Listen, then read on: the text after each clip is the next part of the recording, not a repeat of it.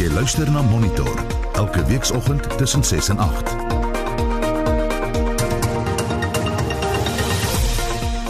Dit is 5 oor 7 en in die tweede helfte van Monitor ons praat met 'n mediese dokter wat sogenaamde lang COVID onderlede het. En die Proteas maak sake gelyk in die eendagreeks teen Pakistan. Pieter van der Berg bespreek die naweek se sport. Goeiemôre, ek is Gustaf Greiling. En my naam is Anita Visser. Dis nou so 11 minute oor 7 uur by Monitor op RSG en onlangs het professor Bertram Fielding, hoofwetenskaplike by die Universiteit van die Wes-Kaap se Virologie Navorsingsentrum, hier op Monitor verwys na die stygende gevalle van wat medisy lang COVID gedoop het, lang COVID. Nou kortom is dit pasiënte wat nie oor die simptome van hierdie COVID-19 siekte kom nie en dit kan maande of selfs jare duur. Monitor het intussen 'n lang COVID geval opgespoor en dis die 46-jarige Dr. Hanya Badenhorst wat 'n mediese praktyk op Swellendam bedryf. Nou sy is al 20 jaar lank 'n praktiserende algemene praktisyn en sy het haarself op 13 Julie verlede jaar met COVID gediagnoseer, min wetend dat dit haar lewe vir 'n lang tyd sou ontwrig. Ons praat ver oggend met haar. Goeiemôre. Môre Anita, môre luisteraar. Hanja, jy het jou uh, na die diagnose vir 10 dae lank geïsoleer soos wat protokol vereis. Wat het toe gebeur? Yes, nee, ek was aanvanklik heel asymptomaties en ek het net rekensmaak verlies gehad, miskien 'n bietjie moeg nou met inspanning. En alhoewel ek nou eintlik agtergekom het daar's iets fout, is dat my rus en hartspoed oornag verhoog was. Um, ek hou dit dop omdat ek 'n berghardloper is en ek is toe eers nou toe ek nou beter voel as ek na 2 weke terug werk toe sonder probleme, maar op dag 25 ontwikkel ek toe intense borskaspyn en 'n vinnige pols uh, terwyl ek rustig stap met 'n vriendin. En ehm um, toe ek gehospitaliseer deur 'n kardioloog Dr. Chart Venter en hy het my toe, toe na uitgebreide spesiale ondersoeke het hy my gediagnoseer met POTS. Nou ehm um, POTS is, uh, staan vir posturale ortostatiese tachykardie sindroom. Dis 'n dis 'n tipe autonome neuropatie. So wat die COVID virus doen is hy tas die autonome senuweestelsel aan wat nou verantwoordelik is vir jou bloeddruk, hartklop, asemhalingsbeheer, is eintlik al jou onwillekeurige funksies in jou lyf. So ek was gelukkig om nie strukturele hartskade te hê nie. Dis ook mos nou iets waarvoor COVID nou al berig is. Maar met POTS is die senuweestelsel wat die hartklop beheer of die wiring kan men sê, is beskadig en het tot gevolg dat jou fisiese funksie eintlik gelykstaande is aan iemand met ehm um, hartversaking of emfyseem. Ehm um, ja. so dit is ook ja posisie afhanklik. So as jy lê is jou pols lekker rustig en sodra jy opkom dan skiet jou pols die hoogte in by 140 omdat jou jou bloed uh, poel in jou ekstremiteite. So daar is heel waarskynlik luisteraars van ons wat ook lank COVID het ja. maar nie gediagnoseer is daarmee nie. Wanneer kan mens ja. so 'n diagnose van lank COVID maak? Is dit 'n ding wat jy amptelik kan doen of is dit nou 'n verskil van mens tot mens nog steeds? Ja. Ja, alhoewel dit is nou 'n nuwe siekte, maar die Britse Nasionale Instituut van Gesondheidsorg het reeds riglyne gepubliseer oor die diagnose van lang COVID. So dis 'n multisisteem toestand wat die hele liggaam affekteer en simptome is teenwoordig vir langer as 4 weke na die aanvanklike infeksie. Hmm. So dis ook hier uh, belangrik om te sê dat ehm, 'n um, positiewe toets COVID toets nie 'n voorvereiste is vir die diagnose nie, want daar's baie pasiënte wat nie toegang het of toegang gehad het tot toetse nie. En ehm um, teenliggaamtoetsing is mos nou nie akkuraat nie en daar is ook mense wie glad nie eers teenliggame maak nie. En dan wil ek ook net hier sê ons het nog nie statistiek nie, maar dit lyk ook of jy wat mense die lang COVID kry geen voorafgaande komorbiditeite gehad het nie en eintlik jong aktiewe fikse mense is. As jy pas by ons aangesluit het, ons praat ver oggend met 'n mediese dokter, die 46-jarige dokter Hanja Badenhorst. Sy's uh, 'n mediese praktisyn op Swellendam en sy het sogenaamde lang COVID. Dit was ingewikkeld in jou geval, Hanja, want op 'n stadium het mense gedink jy het dalk Guillain-Barré sindroom of hoe? Ja, ja. Um, ek wou nog net ook nog gesê het, um, na die potdiagnose, seker so 5 dae daarna, ontwikkel ek toe ook verder 'n neurologiese simptome wat lyk na atipiese Guillain-Barré. Toe krag en sensasie verlies, ehm um, spierfasikulasie of twitches, ek het bewuseinstoornis gehad en intense spierpyn na die geringste inspanning. En dit was nogal skrikwekkend vir my op die stadium want want ek was hoogs funksioneel voor COVID. Want ek was op my fikste met berghardloop en fiets en swem, lekker besig met my drie kinders en my man my eie praktyk, maar die ding kom slaan jou plat en jy het nie idee of dit permanent is of nie. Weet so kollegas en spesialiste het ook nie die antwoord nie omdat dit mos so 'n nuwe siekte is. So die frustrasie wat mense ervaar is nogal groot. Ons verstaan daar's ook aanlyn ondersteuningsgroepe vir mense wat lank COVID het. Ja, ja. In VSA en Brittanje as ek as ook in Europa uh, was die aanlyn ondersteuningsgroepe op platforms soos Facebook was eintlik die dryfkrag agter die erkenning van lang COVID. Um, soos byvoorbeeld Survival Corps, die Britse lang COVID support groep en uh, die Suid-Afrikaanse Facebook groep het ook al 'n paar duisend lede en hulle verskaf hoofsaaklik emosionele ondersteuning aan hmm. mense met lang COVID. Ja. Nou jy is spesifiek op 'n lang COVID ondersteuningsgroep spesifiek vir medisy. Ja, ja. Ek is geweldig bevoorreg om te kan deel wees van 'n Britse forum vir dokters. Ehm um, dit is um, omdat ek by die GMC of die Britse Mediese Raad geregistreer is en daar is al meer as 1000 dokters op die forum. Wie almal ly aan lang COVID, almal uh, sommige van, hulle al meer as 'n jaar. En dit was my redding om my verwarrende simptome met hulle te kon deel en te besef dat hulle presies dieselfde deurmaak as ek. Hulle dieselfde as ek ervaar dat dit as dokters moeilik is om erkenning te kry vir um, die skynbaar uiteenlopende simptome. Die meeste is aanvanklik verkeerdelik gediagnoseer met angs of depressie. Um, omdat pot geweldige vinnige hartloop in die hart in die mos in die regopposisie veroorsaak en dan lyk dit soos angs. En en tydsgewys was hulle ook 6 maande voor my met die siekte. So ek het geweldig baie by hulle geleer. Ons het nou verwys hierna in ons inleiding daarna dat lang Covid jare lank kan duur, want ons praat gereeld met jou kollega professor Bertram ja. Fielding. Hy het SARS bestudeer in Singapore en hy het gesê hy weet daar SARS gevalle waarvan die simptome 15 jaar lank geduur het. Hoe vergelyk dit met met lang Covid? Weet 'n mens ja. hoe lank? Ja, kyk as jy wat virusse wat jare lank siekte kan veroorsaak, né, wat ons van weet. Maar koronavirus is mos nou nie, uh, so daar's nog baie wat ons moet leer. Maar ek dink die meganisme in die van van die van die verlengde siekte is waarskynlik dieselfde as ander virusse in die sin dat dit mos nou 'n outo-immuunrespons veroorsaak wat jare kan duur. Uh COVID veroorsaak egter ook mos nou 'n immunologiese storm wat nogal katastrofies is vir die immuunstelsel. Maar ek dink die groot verskil ten opsigte van ander SARS gevalle is egter die impak wat lang COVID wêreldwyd het. Veral mhm. in die getalle mense wat daaraan ly. In Brittanje alleen is daar al meer as 1.1 miljoen lang COVID gevalle en die onlangse syfers vir kinders met lang COVID in Brittanje is al meer as 8500. Hm. Anja, dit het 'n groot impak, ja. Jy is nou middelmaart weer terug werk toe, jy's by jou praktyk. As 'n mens na jou stem luister, klink dit beslis nie of jy moeg is nie. As baie ja. energie in jou stem. Hoe gaan dit nou ja. met jou? Ja, met my gaan dit baie beter, maar ek is nog ver van 100% af. Ek is nou uh, doen nou slegs deeltyd, so ek begin werk en ek spits my toe om lang COVID pasiënte te help nou plaaslik en dan ook te dank aan aanlyn tegnologie mos nou nasionaal en internasionaal. En as gevolg van dit waardeur jy nou self gegaan het, is jy meer sensitief vir om om dit raak te sien soort van 'n ander ja, pasiënte. Ja, nee, verseker, ek dink ehm um, persoonlike ervaring gee mens mos nou baie insig en simpatie. Ehm um, ek dink jy daar's enigiets soos jou eie ervaring wat jou skielik leergierig maak nie van 'n spesifieke siekte. So ons is nog glad nie, ons het nie al die antwoorde nie, maar ek dink ehm um, ons weet genoeg om te erken dat wat ons nie weet nie. Ehm um, so. Ja, Terwyl ons nou met jou praat, ek wil net vinnig vir jou vra want ek is nou nuuskierig daaroor. Jy's van Swellendam. Ja. Hoe het hierdie siekte, hierdie hierdie virus op julle dorp gemanifesteer? Is dit anders as in ander plekke? Wonder ek nou, as jy weet, was die vla baie erg? Was die minder mense minder nee. versigtig geweest daar? Nee nee, ek dink dit was maar soos alle klein dorpe is maar dieselfde. Dit is baie goed hanteer om op die dorp. Ja, nee, ek dink ons het 'n groot groot probleem gehad. Hmm. Anja as medikus, wat is jou prognose? Jy klink baie goed op die oomblik. Ja. Kan jy weer 'n terugsinking beleef? Ja, die ding is ek ek wil graag glo my prognose is goed. Ek dink ek kon my pot redelik rehabiliteer in 8 maande, waar dit volgens die literatuur so wat 2 jaar neem. Maar ehm um, ek dink wat belangrik is is pacing. Uh pacing is wanneer jy ehm um, hou jou aktiwiteite hou binne jou raamwerk vir die dag.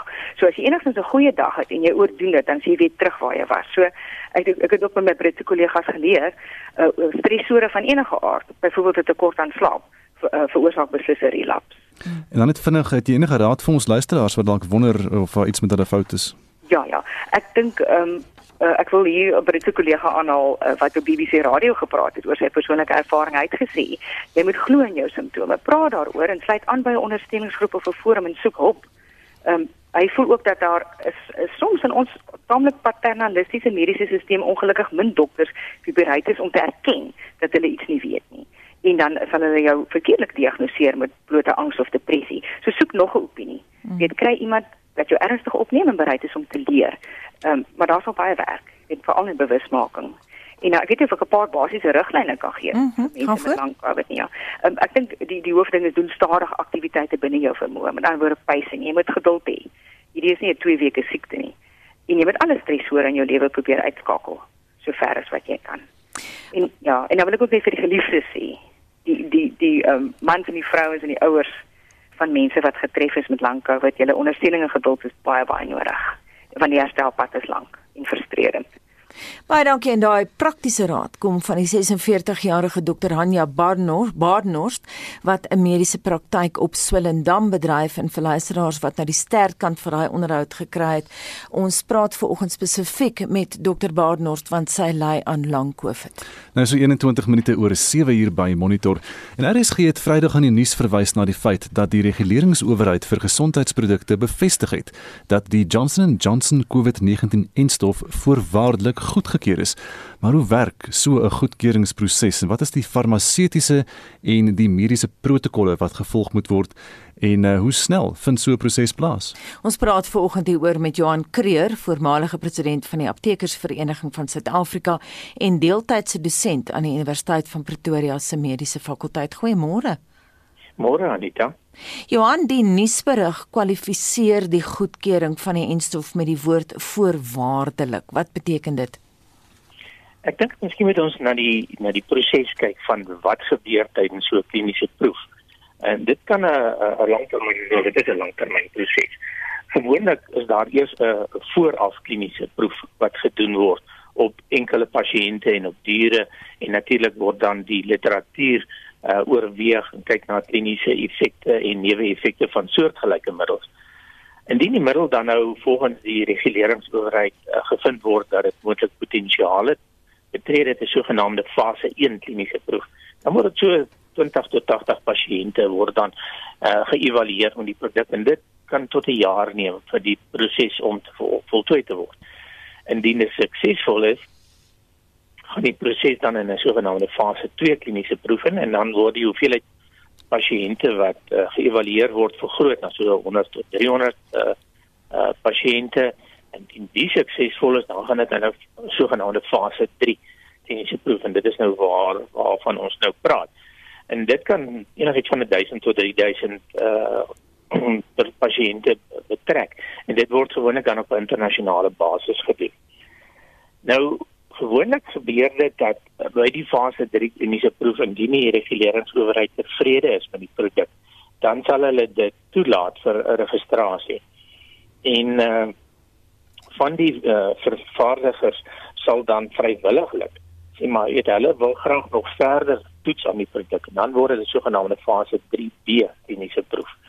Die middel word dan geregistreer en dit beteken nie dat dit die einde van toetsing is nie uh vir die duur van die produk se teenwoordigheid op die mark is dit hele tyd onderhewig aan 'n sogenaamde fase 4 kliniese proef. So 'n produk se toetsing hou nooit op nie. Daar's baie produkte wat geregistreer is op die mark en dit na jare ehm um, op die mark gevind word dat dit neeweffekte het en die middels word dan onttrek. Dis was so, ja. Die veiligheid van pasiënte is absoluut gedurig onder die loop uh, wanneer dit by die reguleringsowerheid kom. Dis 'n fascinerende proses wat jy vir ons verduidelik hier met al hierdie fases waardeur dit moet gaan.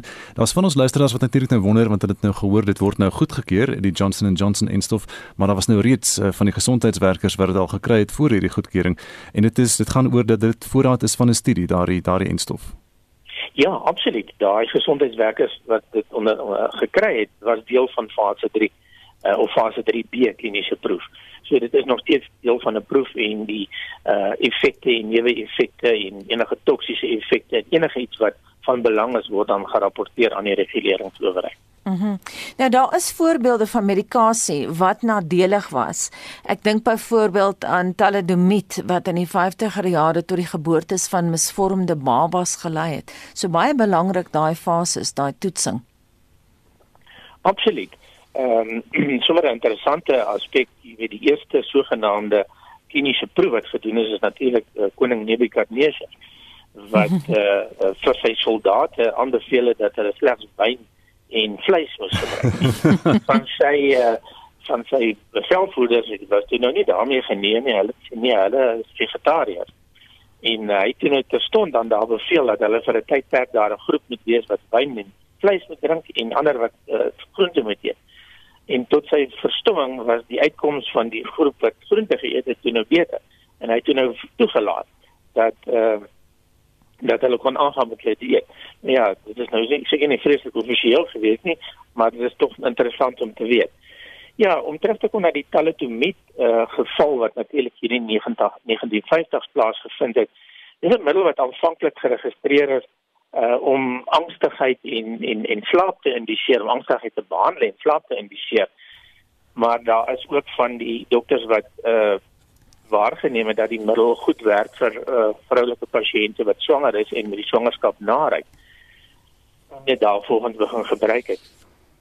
Nou ongelukkig het dit toe nou gebeur dat uh daarvan die kinders wat uh van die maats wat wat swanger was en die middel gebruik het, 'n uh, misvormde ledemate begin ontwikkel het en die middel se gebruik is toe nou so meer gestaak.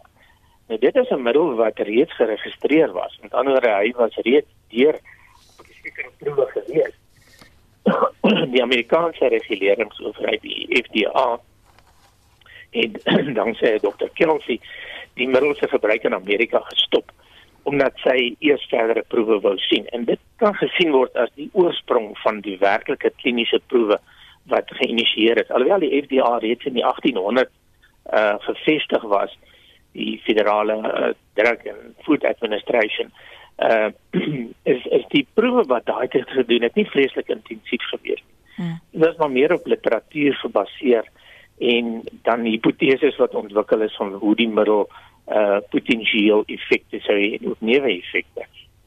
Ja, net kortliks, uh, hoe is protokolle oor die jare aangepas? Duidelik is daar nou geleer uit die foute wat gemaak is in terme van talidomid. Ja, dit is presies hier waar talidomid dan nou die mense uh, uh, daartoe gedwing het en sê maar weet jy wat, ons kan nie net bloot op hipoteses werk nie. Daar sekerre groepe wat uitgesonderd moet word wat spesifieke toetse gedoen het word onder andere swanger vrouens, onder andere ouer pasiënte en natuurlik by kinders. Hulle word spesifiek uh uitgesonder wanneer dit by proewe kom. So middels sal aanvanklik goedgekeur word met die uitsondering van daai groepe pasiënte. En dan ook toksisiteitsstudies het baie meer intensief begin word om te kyk wat se potensiële neeweffekte daar kan wees. So uit hierdie uh prosesse waar ons uh middels het wat wat neeweffekte gehad het wat uh destruktief is vir die pasiënte. Het baie geleer hoe om in die toekoms veiligheid van middels te verseker. Hoe baie gebeur dit dat 'n uh, middel, 'n uh, mediese uh, of 'n uh, medisyne deur hierdie vier fases gaan van die proewe en dit en dit lyk goed, maar dan na al daai fases dan gebeur daar nog steeds iets. Ons nou gehoor van die AstraZeneca en stof wat uh, hier en daar bloedklonte veroorsaak. Ja, dit is dit is 'n tipiese fase 4 proef wat nou ondergaan word. Dit gebeur hoor. Daar is uh, nie baie lank terug nie was daar uh, anti-inflammatoriese middels wat bevind word lank nadat geregistreer is en baie effektief gebruik is vir behandeling van osteoartrose en van besering enige inflammatoriese toestand is die middels onttrek want dit het gevind uh, dit is bevind dat die pasiënt se bloeddruk verhoog. Daar was ook 'n middel fenfluramine wat gebruik is om ehm uh, die eet uh, verwante afwykings te behandel om ander as 'n eetlus temper te dien en die middel het ook nadat dit jare reeds op die mark word is dit bevind dat die middel uh nuwe effekte het dat pasiënte kan benadeel. So vind ons feitelik daagliks maandeliks middels wat onttrek word, nie noodwendig almal wat uh, sulke nuwe effekte het uh, dat dit uh, op die langtermyn skadelik vir pasiënte is nie, maar dit op 'n of ander manier nie voldoen aan die vereistes van die reguleringsowerhede nie. Baie dankie en Susie Johan Creer, voormalige president van die Aptekersvereniging van Suid-Afrika. Hy is ook 'n deeltydse dosent aan die Universiteit van Pretoria se Mediese Fakulteit. Jy luister na Monitor elke weekoggend tussen 6 en 8. Dis nou half 8 en in die nuus die huidige 7 dae tendens van net meer as 1000 nuwe koronavirusinfeksies per dag in Suid-Afrika is die laagste sedert laat Mei verlede jaar. Taiwan se minister van vervoer bly vereers in sy pos. En ons praat oor die naweek se sport bly ingeskakel.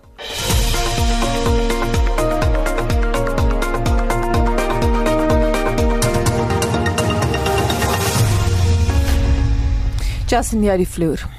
Die luisteraar op ons SMS-lyn het nie 'n lekker paasnaweek gehad nie. Hulle skryf ons paasnaweek Uh, ons het al van Vrydag sonder krag getrip by Port en Kompleks. Antwoord van Swane Elektrisiteit is the guys went home. En nodeloos om te sê, dis Maandag en nog steeds geen krag. En op Facebook uh, skryf Love Heart. Hy sê Paasnaweek was regtig baie lekker. My eerste Paasnaweek met my familie by ons huis omdat ek 12 jaar in die gevangenis was. Baie dankie vir ons gemeenskap wat my met oop arms verwelkom het. Skryf Love Heart op ons Facebook. En uh, Warren Estreys ons skryf geen verskil op vorige jare nie. Lekker veilig by die huis gewees, genoeg verversings en genoeg geselskap. O ja, geen maskers ook vir enigiemand. So jy kan saam gesels, die dan naweek is verby. Wat was jou belewing van Paasnaweek gegee die pandemie? Stuur 'n SMS na 45889 teen R1.50 per SMS of gesels saam op ons Facebookblad by facebook.com vorentoe skynstreep ZARSG. Dis nou 27 minute voor 8 uur by Monitor op RSG. En die eerste sportnaweek van April is agter die rug. Ons gesels met Pieter van der Berg oor die hoogtepunte. Môre Pieter. Môre sê Gustaf. So Saterdag het jy met ons gesels in Naweek Aktueel en jy het oor rugby in die buiteland berig en ook genoem dat die Varsity beker reeks gister sou afskop. Ja, die World Series se fokus soos jy sê was daar in Australië en New Zealand gewees. Nou in die Seeland se Autoria kompetisie het die Crusaders op hulle tydsaal pak gekry het verrassende oorwinning van die Highlanders van 33-12 oor die Crusaders. Dan die Blues op hulle tydsveld geseëvier oor die Hurricanes die telling 27-17 en dan in Australië was dit uh, die besoekers wat uh, in regwedstryde gewen het Die Brumbies het die Waratahs met 24-22 geklop en die Queensland Reds, hulle het afgereken met die Rebels 44-19. En soos jy genoem het, hier in Suid-Afrika het die Varsity Rugby reeks gister afgeskop en dit is 'n uh, CIT wat vir UJ geklop het 'n groot oorwinning van 46-13 en dan Tukkies ook 'n groot oorwinning oor Witspaal, die telling daar 48-25. Vandag is daar drie wedstryde geskeduleer. Dit vind natuurlik almal daar by die Tukkie Stadion plaas. Om 3 uur is dit die Noordwes Universiteit wat speel teen Matibas. Dan om 5 uur vanmiddag, die Universiteit van die Weskaap kom te staan teen Shimlas en om 7 uur vanaand die grootte vir die dag dan wanneer uitjies en maties op die veld draf en soos ek sê daardie wedstryd begin dan om 7 uur. Die uh, Miami Open tennis toernooi het ook die naweek ten einde geloop en uh, daar was 'n paar onbekende spelers wat nogal goed gevaar het, né? Ja, baie interessant in die uh, halfeind van die mans enkelspel die vierde keer Andrew Rublev 'n pak gekry daar uh, teen uh, die 26 keer 26ste keer Hubert Hurkacz. En dan die 19-jarige tiener van Italië Jannik uh, Jannik Sinner. Uit afgereken met Roberta Bautista Agut. Die telling daar uh, 7-5 6-4 en 6-4 maar weer eens um, dit is Bautista Agut wat 70 keer was. So in die eindstryd was dit die twee onbekende relatief onbekende manne. Die jong uh, Sinner het pak gekry. Dit was die 26ste gekeerde Hubert Hurkacz wat geseëvier het in die eindstryd met 7-6 en 6-4 en dan die vroue enkelspel Gustav wat dit Ashley Barty wat met die louter weggestap het. En dan was Pink Cricket uh, gister weer die fokus op die Wanderers, die Proteas uh, en Pakistan het mekaar nou tweede eendag kragmeting daar gepak. Ja, dalk net so ietsie oor die pink cricket. Natuurlik uh, Suid-Afrika het die eerste 6 pink wedstryde gewen, maar toe 2 jaar terug het Pakistan gewen en so jare wat uh, terug was dit Engeland wat gesê het, maar gister het Proteas weer eerste gekom, net soos aan Vrydag se eerste eendagwedstryd wat natuurlik deur Pakistan gewen was van die laaste bal met 3 lopies. Nou Suid-Afrika het goed gekom gister 'n massiewe 341 lopies opgestapel, Quinton de Kock 80, uh, Themba Bavuma hy het 92 bygedra, Rassie van der Dussen 60 en David Manner hy was nie uit nie met 50. Nou in Pakistan se beurt het ander nog keer die Pakistaniese spoed gebreek deur vinnig drie paaltjies in toe is dit het net begin lyk of hulle die Proteas totaal kan haal maar nou ja so ek sê die Pakistanies dan uh, daar op 324 vir 9 na 50 bilbeurte met 'n uh, eh, Fahar Zaman wat 'n briljante 193 lopies gemoker het. Nou Suid-Afrika wen dan met 17 lopies en die reekstelling is nou 1-1 en Gustav baie interessant die derde wedstryd word dan eers komende Woensdag gespeel maar daar is 'n paar van die Suid-Afrikaners wat voor die wedstryd na die Indiese Premier League gaan vertrek. Die eerste major golftoernooi van uh, 2021, dis nou die Amerikaanse Meesters. Dit begin donderdag op Augusta. Wat het in die naweek uh, in die laaste voorbereidingstoernooi daar gebeur? Ja, Jordan Spieth, hy daar by die Valero Texas Open in San Antonio, het hy 'n gemaklike oorwinning behaal, gewys hy's gereed, hy's op vorm vir die Amerikaanse meesters wat dan donderdag afskop en dit is uh, hy wat op 1800 syfer geëindig het Jordan Spieth. Uh, Charlie Hoffman, hy was tweede naam op 1600 met Matt, Matt Wallace op 1400 derde. Suid-Afrikaanse Erik van Rooyen, 'n goeie 14de plek op 600 en Brandon Grace was 23ste op 400 syfer. Dan in vroue golf was die Anna toernooi daar in Kalifornië gespeel en ek sien daar dat Thailand se Patty Tawatanakit het gesien hier op uh, 1800 syfer. Dit was twee beter as Lydia Kou van Nieu-Seeland se 1600. Ashley Bohain van Suid-Afrika kon ongelukkig nie kwalifiseer vir die laaste twee rondes nie. Ons het vanoggend hier berig in die in die nuus ook verlede week kon eh, Brad Binder nie regtig hond haar afmaak in die eerste MotoGP van die seisoen nie. Het dit gister toe nou beter gegaan daar?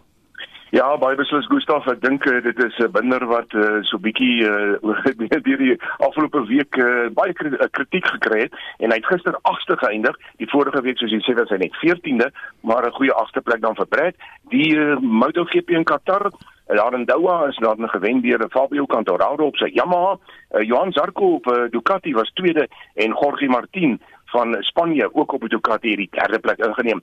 Ons moet ook net loer na die Moto3 wedren. Verlede week was Darren Binder derde gewees, dis nou die broer van Brad en gister uitstekende tweede plek vir hom, so hy het weer verbeter en op die wêreld kampioenskapspunteleer in Moto3 is Binder dan nou tweede op daardie punteleer.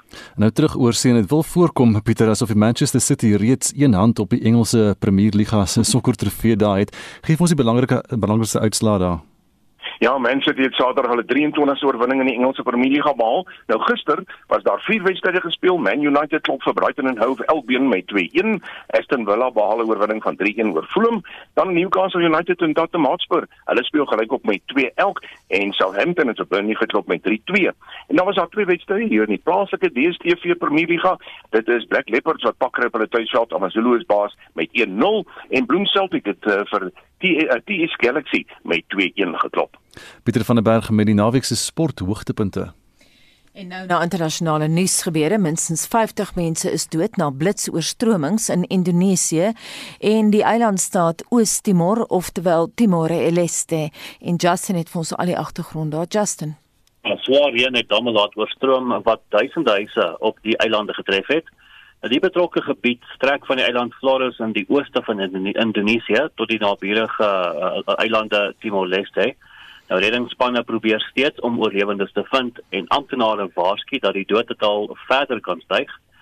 Die woordvoerder van die Indonesiese rampbestrydingsagentskap, Raditya Jati, sê vier subdistrikte en sewe dorpe is geraak. Hy sê baie huise is deur die oorstromings en modderstortings getref. En dan 'n ander deel van die wêreld, die polisie in Taiwan het die bestuurder van 'n konstruksieterrein in hegtenis geneem na 'n treinbotsing verlede week meer as 50 lewens geëis het. Ja, Li Yisong het uh, aanvanklik deur die polisie ondervra na die vragmotor wat hy bestuur het voor die trein beland het. Sy vragmotor was op 'n wal geparkeer, maar het afgegly waar die trein Vrydag in die Hualien provinsie laat ontspoor het. Minstens 50 mense is dood en meer as 200 is beseer in die ongeluk en die BBC se Cindy Sue het meer. Li Yixiang said he was deeply sorry and would cooperate with investigators. His lorry rode down a hillside onto the tracks just as the train was entering a tunnel. Investigators say CCTV recordings from the front carriage show the train driver had only 6.9 seconds to respond, and the train was only 250 meters away from the lorry. Not enough time or distance for the driver to stop the train Investigators are looking into whether Mr. Lee failed to set the emergency brake or whether there was a mechanical failure in his vehicle. Lee lê in aanhouding na die polisie besluit het dat hy 'n vlugrisiko is. Intussen het reddingswerkers begin om die treinwrak vanaf die spoor te verwyder. Daar word verwag dat dit sowat 'n week sal neem voordat treindienste hervat word. Nou Justin Vrydag het Rolf Meyer vir ons vertel dat die Myanmar junta die internet toegang beperk het tot sekere mense, jy kan dit slegs op kabel kry.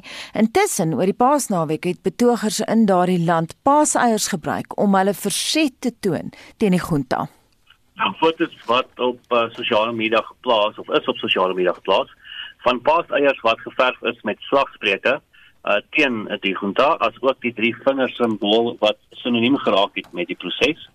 En die suidelike stede daarby en Langong het kinders en studente ook aan die betogings deelgeneem wat tot dusver sowat 557 lewens geëis het.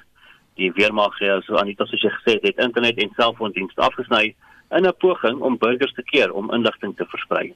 En terwyl ons nou die volgende lees sien ek Sky draai dra dieselfde storie vir oggend Jordanië se adjunk eerste minister Ayman Safadi sê die halfbroer van koning Abdullah was betrokke by 'n buitelandse komplot om die land te destabiliseer. Ja, prins Hamza bin Hussein, die voormalige kroonprins, sê hy is onder huisarrest geplaas as deel van die regering se pogings om kritiek stil te maak dit na 'n ondersoek van stapel gestuur is na bedrywighede wat gemik was op die ondermyning van die land se veiligheid uh, in 'n videoboodskap wat deur sy regsverteenwoordiger op sosiale media geplaas is beskuldig Hussein die land se leiers van korrupsie, onbevoegdheid en duistering. A number of the people I know or my friends have been arrested. Uh, my security has been removed and the internet and phone lines have been cut. This is uh, my last form of communication, uh, satellite internet. As I said to the Chief of Staff when he came, I am not the person responsible for the breakdown in governance, for the corruption, and for the incompetence that has been prevalent in our governing structure for the last 15 to 20 years and has been getting worse by the year. I'm not responsible for the lack of faith that people have in their institutions. They are responsible. Unfortunately, this country has gone from one that is, was at the forefront of the region in terms of education and healthcare, in terms of human dignity and freedoms, to one in which uh, even to criticize a small aspect of a policy leads to arrest and abuse by the security services. Die stem daarvan Prins Hamza bin Hussein die voormalige kroonprins van Jordanië. Er 16 mense waaronder 'n voormalige adviseur van koning Abdullah en 'n ander lid van die koninklike familie is Saterdag in hegtenis geneem weens die beweerde veiligheidsbedreiging. En dit was Justin wêreldnuus. Dis nou so op pad na 14 of 16 minute voor 8 by Monitor en skole sport en buitemuurse aktiwiteite mag hervat word maar sonder toeskouers. Dit ondanks vlak 1 regulasies dat 500 mense buite byeenkomste mag bywoon of indien 'n kleiner terrein dan die helfte van die kapasiteit daarvan. Nou die adjunk voorsitter van die Federasie van Beheerliggame van Suider-Afrikaanse skole, Dr. Jaco Deeken, sê skole moet streng COVID-19 maatreëls volg. Een van die vereistes vir die heropening dan nou van sport en toernooie is dat dit natuurlik nou sonder toeskouers gaan moet plaasvind. So pa en ma en oupa en ouma sal van buite die skoolterrein moet kyk wat binne gebeur omdat uh, nie toegelaat gaan word aan die binnekant nie. Die mense wat binne toegelaat gaan word of die deelnemers gaan aan streng vereistes moet voldoen. Besoekende skole se besonderhede moet vir 21 dae gehou word. Daar gaan enkele toegangspunt wees, natuurlik al die COVID protokolle en dan die gewone beperking van binneshuis en buitenshuis die hoeveelheid wat dan nou nasionaal geld geld dan nou net so ook vir skole. Een van die uitsonderings is vir binneshuise aktiwiteite moet die kapasiteit van die lokaal bepaal word dat die persone binne daardie lokaal 'n 1.5 meter afstand kan handhaaf, maar vir die res is die gewone skoolprotokolle van toepassing wat ons reeds by die skole toepas. Dit is dan nou die gewone temperatuur en die sanitering en behoorlike rekordhouding wie in en uitkom en as jy natuurlik toernooi verlaat het en weer wil terugkom, moet jy deur dieselfde oefening gaan. En hoeveel mense sal toegelaat word wanneer daar 'n wedstryd is en sluit dit toeskouers in? Die maksimum aantal persone vir 'n binnemuurse geleentheid is 100 en 250 mense indien dit dan nou buite sou plaasvind. En dit sluit dan nou alle toeskouers uit. So hierdie getal moet dan al jou wedstrydbeamptes almal wat deelneem aan die sport moet dan nou ingesluit word in daardie getal. So ek dink die sportfederasies gaan uh, hulle rooster baie mooi moet beplan veral met aktiwiteite waar daar groot aantal beamptes by betrokke is soos byvoorbeeld atletiek en baie atlete hoe daardie program bepaal sal word. En hoe voel julle oor hierdie nuwe direktiewe? Ons ondersteun die direktiewe want daar is baie skole wat meer as gereed is om met skoolaktiwiteite en buitemuurse en buitekurrikulêre aktiwiteite te kan voortgaan. Ons bekommernis is egter dat toeskouers nie toegelaat word nie. Ons dink skole kan goeie beheer uitoefen vir ouers op die skoolterrein in plaas daarvan dat ouers saam drom onder 'n boom net buite die skoolgronde kan dit dalk baie beter binne die skoolgronde beheer word. Byvoorbeeld as daar tenniswedstryd gespeel word tussen uh, twee individue, kan 'n maksimum van 4 ouers dalk maar kom kyk hoe hierdie kinders tennis speel en dit sou nou nie verskriklik skade veroorsaak het nie. Waar ons wel bekommerd is is dat daar steeds skole is wat nie 100% op kapasiteit werk dat al die leerders teruggekeer het nie. En daarom kan die vraag tereg gevra word, waarom kan ons kinders dan mekaar duik en saam skram maar nie langs mekaar in 'n klaskamer sit nie.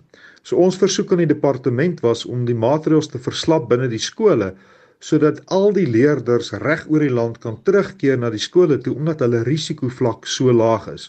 So ons is steeds bekommerd dat alle skole nie al die leerders terug het nie en hierdie kan dalk net die verkeerde boodskap stuur vir daardie skole wat nog nie al die leerders kan toelaat nie.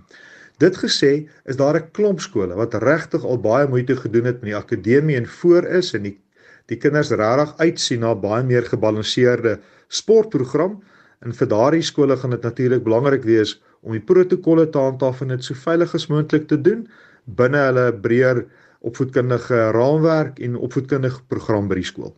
Dr. Jakodik en die adjunkvoorsitter van FETSA het met Vincent Mofokeng gepraat. Nou inwoners van dorpe in die Moretele plaaslike munisipaliteit in die Noordwes-provinsie, sowat 80 km noord van Pretoria, sê hulle is keelvol vir die swak toestand van paaie in hierdie omgewing. Die toestande lei tot 'n groot aantal padongelukke, veral wanneer dit reën. Nou inwoners eis nou antwoorde van die provinsiale regering oor die vordering wat gemaak is met die opknap van paaie en weer Vincent Mofokeng. Volgens Noordweste Departement van Openbare Werke het onderbefondsing van padprojekte en begrotingsbesnoeiing 'n groot agterstand in die onderhoudswerk geskep. Maar inwoners sê hulle is moeg vir verskonings. Hulle sê openbare vervoeroperateurs is nie meer bereid om na hulle gebied te reis nie weens die swak toestand van paaie. Diegene wat motors besit, moet voortdurend hul voertuie regmaak. This road is very much problem to us as the residents because when it is raining, the taxi owners or taxi drivers refuse to transport us where we are going, especially Wombats. And then if they took us to Wombats, if it's rainy and we are still there, they can't come back to collect us again because of those holes on the road. We are suffering. We can't move. Even the donkey cart can't move because of the water. Taxis are experiencing breakdown every day. Taxis stuck in the middle of the road due to slippery road. 'n Raadslid in die omgewing, David Sono, sê die gemeenskappe het verskeie kere probeer om met die regering in gesprek te tree om meer finansiering beskikbaar te stel. They were already allocated as 11.6 km. The only thing that are left is about 27 cases to reach movie. Die woordvoerder vir Noordwes se departement van openbare werke, Machube Mfolowe, sê hulle het in die afgelope boekjaar meer as 162 miljoen rand bestee om slaggate op paaie met grys op te vul en te herstel in die Moretele omgewing. Maar Omfoloe erken dat daar 'n agterstand in instandhoudingswerk is. In this province we do have a lot of what we call a backlog in maintenance. It's historical. Roads in this province has been department, we are doing so much with less. We are actually doing very little with less. But there is no capacity in terms of adequate funding to do that. Die verslag van Salang Motsepe, ek Vincent Mufokeng vir SAI Kanis. En nou 'n interessante vraag, kan jou werkgewer jou verantwoordelik hou en selfs dissiplineer as jy onverantwoordelik opgetree het en jouself aan COVID-19 blootgestel het? 'n Arbeidskenner by Cliff Decker Hofmeyer, Michael Yates sê dit is wel moontlik. Die toetsstoms in ons reg het is as daar so enige gedrag is van 'n werknemer wat 'n impak het op die werksplek, kan 'n werkgewer jurisdiksie hê of ten minste magtiging hê om aksie te neem teenoor daardie werknemer. So die beste voorbeeld wat ek dalk kan gee, is byvoorbeeld soos social media en wanneer jy buite die werksplek is, buite werksure, maar jy doen ietsie op sosiale media wat jou werksplek kan aanraak, dan kan jou werknemer aksie teenoor jou neem.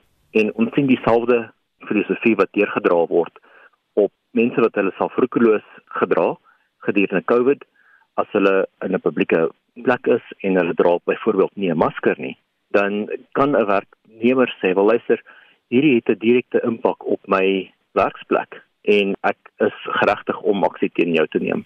Hoe gaan hulle dan nou seker maak dat jy nie doelbewus gegaan het en uh, nie gedink het aan jou veiligheid en jou werkgewer en werksplek se veiligheid nie en per ongeluk siek geraak het nie? Ja, so kyk, die feite stel van 'n saak sou maar op sy eie meriete bepaal moet word. Maar byvoorbeeld iemand wat van publieke vervoer gebruik maak.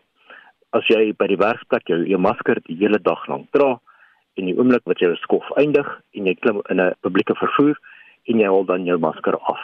En waar mag jy dalk wat kollegas sê wat sien dat jy jou masker afhaal in 'n publieke vervoer en ons almal weet wat die wet heidaglik nog sê, is dit sê wanneer jy op publieke vervoer is of as jy in die publiek is, moet jy jou masker dra. En daardie mense wat hom dan sien, kan dalk 'n beswaar maak by die werkgewer wat dan kan sê luister, jy weet wat die wet is. Die wet sê jy moet 'n masker dra en jy het dit doelbewuslik afhaal in 'n publieke vervoerstelsel of of in die publiek en daarom gaan ons aksie teen jou neem want dit is rikuloos en dit is selfs nog teen die wet. En sien maar daar's foto's van jou op sosiale media waar jy sonder 'n masker is in 'n groep mense of jy het byvoorbeeld dan en die foto's word geplaas, maar jy het hom dalk net afgehaal vir die foto. Sou jou werkgewer daarop kan reageer? Elke saak maar moet bepaal word op sy eie meriete. Jy weet en kan dalk 'n moeilike ding wees waar waar jy vir jou werkgewer sê luister ek het dit my masker net afgehaal vir die doel van 'n foto. Dit mag dalk 'n goeie verweer wees, maar dan alweer as iemand 'n video byvoorbeeld geplaas het waar dit blyklik is dat jy nie jou masker net afgehaal het vir die video nie, maar dat jy dalk besig was in 'n sosiale opsetting en en en met mense kan sien dat jy is besig om die wet te breek. Jy is besig om jouself bloot te stel vir kloos en, en dat jy moontlik COVID kontrakteer. Die belangrike ding hierso is is nie noodwendig dat jy wel COVID kry nie, maar die belangrike ding is dat daar 'n potensiaal is dat jy dit kan kry en dit terugbring waar dit is waar die waar die koneksie is. Dat want jy het er nie nou nou wat vir jou gesê word in, in terme van die wet nie en dan kan jy hier daardie rikulose gedrag dit terugbring waar toe en dan 'n groot impak hê op die werk as jy byvoorbeeld COVID inbring na, na die werksplek toe. En so sê arbeidskenner by Cliff Dekker Hofmeyer Michael Yates en uit met Susan Paxton gepraat. 6 minute voor 8 en hoë vlakke van yster kan die oorsaak wees vir die groot aantal watervoel vrektes by die Kampversdam naby Kimberley in die Noord-Kaap. Nou die provinsiale departement van landbou, omgewingsake en landelike ontwikkeling het hierdie resultate van laboratoriumtoetse onlangs bekend gemaak. Dit kom nadat meer as 40 watervoëls in die laaste 2 maande by die dam gevrek het, Annelie Jansen van Vuren berig. Volgens berigte het honderde kuikens van flaminke in 2018 weens droogte by die Kamfersdam gevrek. Nadat die Januarie vrektes aangemeld is, het regeringsamptenare monsters van die karkasse geneem. Hulle het dit na die laboratorium gestuur om die oorsaak te vind. 'n Span van wetenskaplikes en veeartse was betrokke by die navorsing. So verduidelik die LER vir die Noord-Kaapse Departement van Landbou en Omgewingsake, Mase Manepole. Approximately dead 40 water beds were collected. Water samples as well as tissue samples were taken and analyzed by accredited laboratories. The results came out indicated high iron level in the water which impeded with the uptake of minerals such as copper and selenium by the waterbed. This led to malnutrition and vulnerability of the waterbed to bacterial infection. Kenners het voorheen vermoed dat voëlbotulisme, oftewel lamsiekte, die oorsaak was, maar Manepole beklemtoon dat hulle navorsing toon dat dit nie die geval is nie. Soos hy vroeër genoem het, moet hoë vlakke van yster weens besoedelde water volgens hulle studie die skuld kry. The measures that will be taken by the department will have to put in place to limit and eradicate the inflow of polluted wastewater and partially treat and raw sewer into Campus. This will require collaboration with various stakeholders, among others, the Department of Environmental Affairs, Department of Water and Sanitation, and Solbreke Municipality, private sector partners, and academic institutions such as SPU can also assist us. Together, we'll be able to save and conserve our waterbed. Intussen waarsku 'n bewaringsbestuurder by BirdLife South Africa, Ernst Retief, dat hierdie tipe voëlvrektes groot nadele vir die ekosisteem inhou.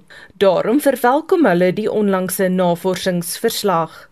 Soos deur die departement aangedui is, word Kampversdam internasionaal beskou as 'n kritieke gebied vir die bewaring van verskeie watervoëls, insluitend bedreigde spesies soos klein en groot flaminke. Die voëlsterftes is dus vir ons van groot bekommernis En alhoewel dit goeie nuus is om te hoor dat botulisme nie die oorsaak van die voëlsterftes is nie, wonder mens nou waar die oorsaak van die hoë ystervlakke is. Die probleem moet ernstig aandag kry en opgelos word. Seemeeu, bleshoenders, veereiers, gevlekte eende en bruin eende is maar net 'n paar van die spesies waarvan vrektes onlangs voorgekom het. Retief voeg by. Dit is regtig bemoedigend om te lees dat die departement die saak verder wil ondersoek en BirdLife Suid-Afrika sal al hierdie proses ten volle ondersteun. Ons bly maar bekommerd oor die kwaliteit van die water in Kamfersdam en die bestuur van die suiweringswerke. Dit is belangrik dat al hierdie probleme opgelos word om die voortbestaan van die plagtige vryland te verseker as ook die spesies wat dit huisves. Dit was Ernst Retief van BirdLife South Africa en ek is Anne Marie Jansen van Vuren vir SAK nuus. 757 laaste SMS terugvoer Justin jy die vloer. Ja, ons begin met Marina van Hartbeespoort se SMS. Sy skryf 'n heerlike herfsnaweek in eie huis en tuin gehad met gesin en paar besoekers. Hoogtepunt was RSG se Pyke Paas Vrydag programme. Nog 'n luisteraar skryf nagmaal gehou in ons huiskerk, net 6 mense, groei nie in getalle nie, maar geestelik. Baie dankie hier, skryf hy. Die altaar van Vaderhoek skryf die inperking het 'n geweldige invloed op predikante en kerke met die erge inperking van slegs 50 mense in die kerk was die druk geweldig. Dit het bygedra dat ons 3 dienste op 'n Sondagoggend moes hou en een in die aand. Met 100 mense was dit 2 dienste in die oggend en een in die aand, maar met 250 mense is dit nou 'n bietjie beter. Sy skryf predikante is uitgebrand en oorwerk wat boonbehalwe al die dienste is die druk om die moraal van jou mense hoog te hou en die baie begrafnisse, begrafnisse en versorging van die mense erg op predikante. So skryf Alta van Val 3. Anna Marie besluit nou. Sy ons was by die huis, my skoonsister en twee swaars was by ons. Vir my was dit 'n besonderse paasnaweek om weer bewus te word van hoe Jesus vir ons aan die kruis gesterf het vir ons sondes en weer opgestaan het. En uh, Corrie Swart sê ek mis my kleintyd paasfees wanneer ons by my ouma in Noordwes gekom het, het die ryp granate vir my gewag paaseiers, familiebeeenkomste en Kersdiens. Vanjaar het my seun vir my 'n pragtige groot ryp granaat gekoop. Dan 'n hele paar mense sê hulle bly by die huis oor die paasnaweek as gevolg van uh die um, onveilige paaie en uh baie dankie vir jou SMS terugvoer vanoggend. Susan is hier. Susan het like Spectrum om 12:00 vanmiddag. Daar sy in vanmiddag se Spectrum wat soos Gustaf nog gesê 12:00 begin en nie 1:00 soos gewoonlik nie. Kyk ons nou hoe besig die paai is terwyl almal terugkeer van die lang naweek af. 'n Nasionale staking word beplan nadat die ANC en die K opdrag gegee het dat partylede wat ondersoek word vir korrupsie en ander misdade op sy moet staan en onwettige grondbesettings in Trigard en Mpumalanga ons kyk daarna. Onthou Spectrum vanmiddag van 12:00 tot 1:00. daarmee groet die Monitor redaksiespan namens ons redakteur en ook ons waarnemende uitvoerende regisseur Wessel Pretorius, ons produksieregisseur vanoggend Lewona Bekes. My naam is Anita Visser. Monitor is terug môreoggend om 6:00. Ek is Gustaf Vreiding en Anne Marie is reg met die 8:00 nuus.